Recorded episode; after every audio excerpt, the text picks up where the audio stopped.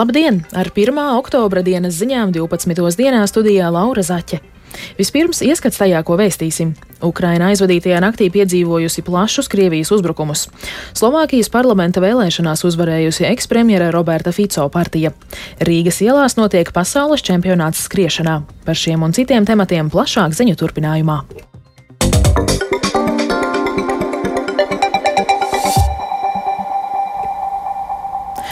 Pie Turcijas iekšlietu ministrijas ēkas galvaspilsētā Ankarā svētdienas rītā uzspridzinājies terorists pašnāvnieks, bet otru uzbrucēju nogalinājusi policija. Tā pavēstījusi iekšlietu. Tā pavēstīs iekšlietu ministres Alī Jerlikaja. Apšaudē viegli ievainoti divi policisti. Pagaidām nav informācijas par to, kas varētu būt sarīkojis uzbrukumu. Krievija, na Krievija naktī Ukrainas teritorijai uzbrukusi ar aptuveni 30 droniem šahed. Ukrainas pretgaisa aizsardzības spēki iznīcināja 16 no tiem. Ienaidnieks pēdējās diennakts laikā veicis arī 8 raķešu un 99 gaisa triecienus, kuros cietuši cilvēki un infrastruktūra. Šodien Ukrainā atzīmē Ukrainas aizstāvju dienu. Ukrainas prezidents Volodimirs Zelenskis uzrunā pateicies valsts aizstāvjiem. Позаду нас наша історія, попереду наша перемога і вільна країна. Es, mūsu tauta un mūsu valsts tagad savā ziņā esam vēstures krustcelēs, ceļā uz pagrieziena punktiem, kur atceroties pagātni, veidojam tagadni un rakstām jaunu mūsu likteņa lapu. Tas ir īpaši saprotams un pamanāms šajā dienā, Ukrainas aizstāvju dienā. Valsts svētki, kas kļuvuši patiesi nacionāli, tautas svētki. Svētki miljoniem ukraiņu, kas aizstāv savu zemi un neapstājas ne uz mirkli. Slava Ukraiņskumu narodovie! Slava Ukraiņai! Slovākijā parlamenta pirmstermiņa vēlēšanās uzvarējusi populistiskā ekspremjera Roberta Fico vadītā kreisā partija Virziens sociāldemokrātija. Fico vēlas pārtraukt militāro palīdzību Ukrainai, ir kritiski noskaņots pret Eiropas Savienību un NATO, kā arī aicina atcelt Krievijai noteiktās sankcijas. Plašāk stāsta Rihards Plūme. Sesdienas vakarā pirmās publicētās vēlētāju aptaujas liecināja, ka nelielā vadībā izvirzījusies Eiropas parlamenta vicespīkera Mihala Šimečkas vadītā sociāla liberālā partija Progresīvā Slovākija. Tomēr, saskaitot oficiālos vēlēšanu rezultātus, tapa skaidrs, ka Šimečkas partija nebūs šo vēlēšanu uzvarētāja. Pēc teju visu balsu saskaitīšanas konstatēts, ka populistiskā ekspremjera Roberta Fico vadītā kreisā partija Virziens sociāldemokrātija iegūsi 23,3% balsu, bet tās sāncence progresīvā Slovākija 17%. Fico partijai 150 vietu parlamentā būs 42 deputāti. Viena no potenciālajām Smeres D koalīcijas partnerēm ir kreisā partija Balss sociāldemokrātija, kas 2020. gadā atšķēlās no Fico vadītās partijas un kuru vadīja bijušais Smer priekšsādātāja vietnieks Peters Pellegrīnī. Paredzams, ka tā iegūs 27 deputātu mandātus. Pellegrīni izteicies, ka vietu sadalījums liecina par to, ka normāli funkcionējošu koalīciju bez viņa vadītās partijas izveidot nevarēs. Tiek pieļauts, ka abas partijas varētu veidot koalīciju ar Nacionalistisko labējo Slovāku Nacionālo partiju. Gaidāms, ka tai jaunajā parlamentā būs desmit vietas, līdz ar to trim partijām kopā būtu 79 no 150 mandātiem. Fico jau iepriekš divas reizes ir veidojis valdību ar Slovāku Nacionālo partiju, kas arī iebilst pret militāro palīdzību Ukrainai. Kopumā jaunajā parlamentā varētu būt pat desmit partijas no liberāliem līdz galēji labējiem spēkiem. Analītiķi prognozē, ka Fico valdība varētu radikāli mainīt Slovākijas ārpolitiku un tās nostāja varētu līdzināties tai, kāda ir Ungārijas premjeram Viktoram Orbānam. Turpina politikas analītiķis Grigorijs Mešezņikovs. Es domāju, ka Fico nav gana drosmīgs, lai kļūtu par vienīgo disidentu Eiropas Savienībā, bet tagad, kad viņam ir Orbāns, viņam ir stingra pozīcija, pie kuras pieturēties. Līdz šim Slovākija ir bijusi lojāls un nelokāms Kijivas sabiedrotais, piegādājot dažāda veida palīdzību, tostarp zeme gaisa raķetes un helikopterus, un pat ziedojot visu savu novecojušo, iznīcinātāju MiG-29 floti. Taču 59 gadus vecais Fico ir solījis, ka Slovākija pārtrauks piegādāt bruņojumu Ukrainai, kā arī ir aicinājis uzlabot attiecības ar Krieviju. Fico ir izteicies, ka ir nobežījies arī par pieaugušo migrantu skaitu, kas caur Slovākiju dodas uz Rietumu Eiropu. Pirms vēlēšanām aktīvi tika izplatīta prokrieviska un pret Ukrainu noskaņota dezinformācija, kas mazinājusi jau tā zemo sabiedrības atbalstu Ukrainai. Vairākās iekšpolitikas problēmās tiek vainota tieši Ukraina. Rihards Plūme, Latvijas radio.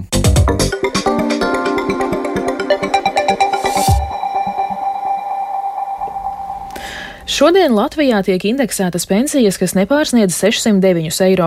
Pensiju indeksācijas mērķis ir nodrošināt piešķirto pensiju aizsardzību pret pirktspējas krišanos un panākt to vērtības nezaudēšanu. Piemēram, senioram, kura vecuma pensija ir 450 eiro, no oktobra tā palielināsies par vidēji 30 eiro. Labklājības ministrija gan aicina ņemt vērā, ka no pensijas var tikt ieturēts iedzīvotāju ienākuma nodoklis. Visā Latvijā šodien sākas dzinēja medību sezona. Tās laikā atļauts rīkot kolektīvās medības, kad dzinēji trokšņojot dzen medījumu pretim mednieku līnijai. Valsts meža dienests rosina medniekus atkārtot medību drošības prasības un apzināties, ka par to ievērošanu medību laikā ir atbildīgs ik viens medību dalībnieks. Plašāk Agnijas Laksdeņas ierakstā. Dzinēja medību laikā medniekiem un dzinējiem ir jāvalkā spilgtas krāsas apģērba elementi, piemēram, vestes, jākas vai cepures, kas padara cilvēku viegli pamanāmu. Tāpat medniekiem ir obligāti jāievēro stingras drošības prasības, kā šaut tikai pa skaidri redzamu un atpazīstamu mērķi, nepamest savu vietu uz mednieku līnijas un uzmanīgi apieties ar ieročiem un daudzi citi. Tradīcijas pirms dzinēja medību sezonas vairāk līdzinās dažādiem praktiskiem sagatavošanās darbiem, stāsta mednieku biedrības Milgrāvis medību vadītājs vadītājs Juris Radus. Man uz medību sezonas sākumu liek pārzināt mūsu medību platības, izmaiņas mežā. Līdz ar to pēdējo divu, trīs nedēļu laikā pirms medību sezonas atklāšanas es cenšos vismaz brīvdienās doties mežā, tādā kā apgaitā, iepazīties ar jaunajiem apstākļiem mežā. Protams, arī no tehniskās skatu punkta kaut kāda sagatavošanās darbi, sākot ar, teiksim, ikdienas čekipējumu, pārbauda munīcijas, krājumu pārbauda, iegādi. Latvijā ir aptuveni 25 tūkstoši mednieku, no kuriem apmēram 20 tūkstoši aktīvi dodas medībās, un 1. oktobris ikvienam medniekam ir kā svētku diena.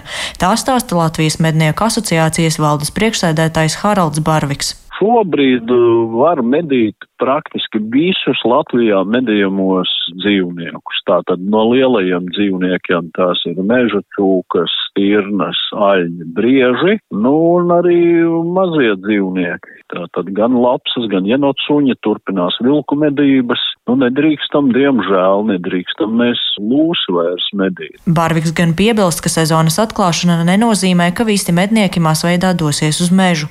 Lielākā daļa klubu nogaida līdz kokiem nobirst lapas un mežs kļūs pārskatāmāks un arī mazinās sēņotāju vai ogotāju skaits. Līdzīgi izsakās arī valsts meža dienesta medību daļas vadītājs Valters Lūsis, aicinot medniekus izvērtēt nepieciešamību doties dzinēja medībās jau pašā sezonas sākumā. Lai gan kādreiz 1. oktobris ir bijis ļoti piemērots laiks, kāds sākt sezonu, pēdējos gados situācija ir mainījusies, skaidro Lūsis. Laika apstākļi mainās, mēs redzam, ka tie rudeņi paliek ilgāki, un agrāk, jā, tas vairāk piesaistījās jau faktiski lapas jau sāka birkt. Tas ir tās jau diskutējums jautājums, un šī gadījumā noteikumi nosaka vienu konkrētu datumu, bet tas nenozīmē, ka uzreiz medniekiem būtu jāiet un šīs medības šādā veidā jāorganizē. Jo... Arī iedzīvotājiem ir jāapzinās, ka šajā laikā dodoties mežā var sastapt medniekus, uzsver lūsis. Tāpēc ir svarīgi ievērot vienkāršus drošības ieteikumus. Piemēram, doties uz mežu spilgtā, labi pamanāmā apģērbā, netoties šāvienam un dzinēju radītajiem trokšņiem, un izdzirdot šāvienu netālu, ir svarīgi likt manīt par savu klātbūtni ar skaļāku uzvedību uzmanību. Runājot par negadījumiem, Lūsis norāda, ja nelaimes gadījumi notiek, tad pēc statistikas tie visi ir saistīti ar medību dalībniekiem. Medniekiem ir saistošie drošības noteikumi. Ja tos visus simtprocentīgi ievēro, tad neviens iedzīvotājs atrodoties mežā nav apdraudēts. Pagājušo gadu skatoties statistiku, tas bija vairāk saistīts ar ievainotu meža cūku uzbrukumu medniekiem vai dzinējiem. Ne tik daudz par medību šaujamierots, kur bija tikai viens gadījums tāds, kuru cieta viens medību dalībnieks, tāpēc, ka netika ievērot atļautais šaušanas sektors. Dzinēja medības ir atļautas katru dienu no saulēkta līdz saulrietam. To sezona ilgs līdz nākamā gada 31. martam, izņemot meža cūku un stalbriežu dzinēja medības, kas ilgs līdz 31. janvārim. Agnija Lazdiņa, Latvijas radio.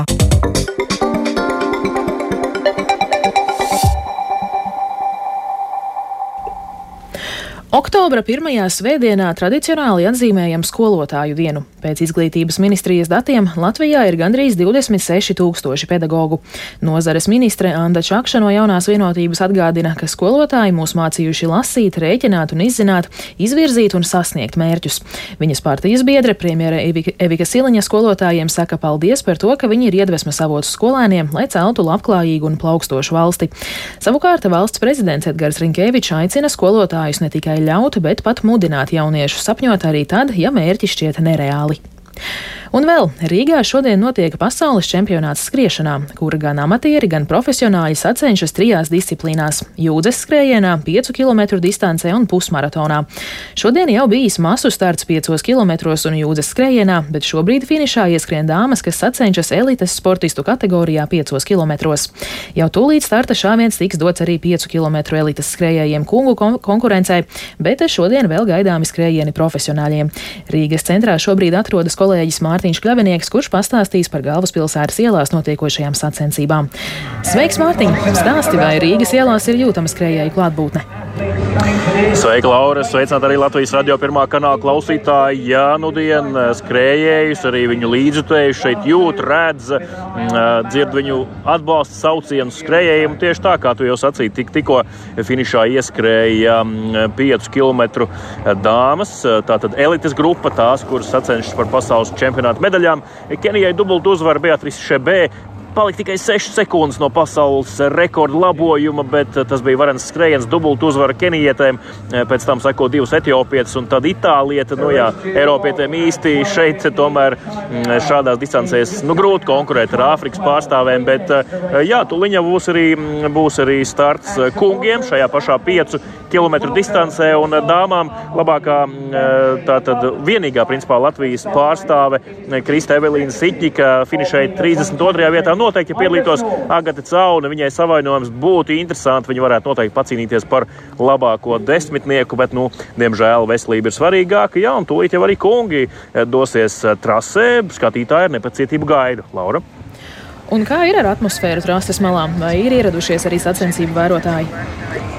Jā, es šeit biju neilgi pēc tam, kad tika dots starts dāmām 5 km distancē profesionālēm. Tas bija apmēram 10 minūtes pirms 12 dienā.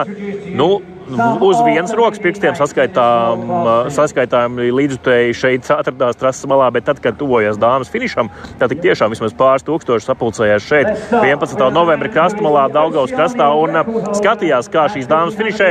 Tagad atkal vairāk līdzutēji izklīst, acīm redzot, iet kaut ko citu darīt vai baudīt kā citādu laiku, bet es pieļauju, ka tad, kad atkal vīri finišēs, kā pusvieniem atkal jau publika saradīsies un arī gribēs redzēt, kā tas finišs notiek. Un atgādinu, ka jā, Eh, pēc tam savukārt eh, vēl būs arī jūdzes elites skrējiens vienos desmit, pēc tam arī pusmaratona elites skrējiens sievietēm pusdivos un divos 15 pēdējā distances pusmaratons vīriem, kur masu starts un profesionāļi plēc pie pleca arī mūsu pašu kolēģis Lotārs Zariņš tur skries. Un varbūt ir izdevies aprunāties ar kādu no sacensību skatītājiem, kas viņiem sakāms par notiekošo. Jā, tā īsti oficiāli intervijai neviens nepiekrita, bet, nu, cik es dzirdu sarunas šeit, apkārt ir gan tādi, kas vienkārši interesējas, kas īsti notiek, ka, kas tas par pasākumu. Eh, brauc tramvajā no pārdaugavas viens no apkaimēm pāri akmens tiltam uz šejienes uz centru. Tur tramvajā ļoti daudz cilvēku runāja, kas tas vispār tāds ir. Citi teica, maratons, maratons. Nu, atgādini, diemžēl maratons šeit nav maratona distance, bet pusmaratons gan būs. Un, jā, cilvēkiem interesē. Uh, bet ir arī, protams, tie, kuri piedalījās dažādos amatieru skrējienos, tie tagad vēro profesionāļu distances. Tā kā varat arī jūs atnākt šeit un paskatīties. Paldies! Tas bija Mārtiņš Kļavinieks, kurš sako līdzi Rīgas centrā notiekošajam pasaules čempionātam skriešanā. Ar to izskan 1. oktobra dienas ziņas. Producents Edgars Kupčs, ierakstus montēja Renārs Šteimanis, pieskaņu pults Iveta Zvejniece, bet studijā Laura Zaķe. Vēl tikai par laikapstākļiem. Yeah.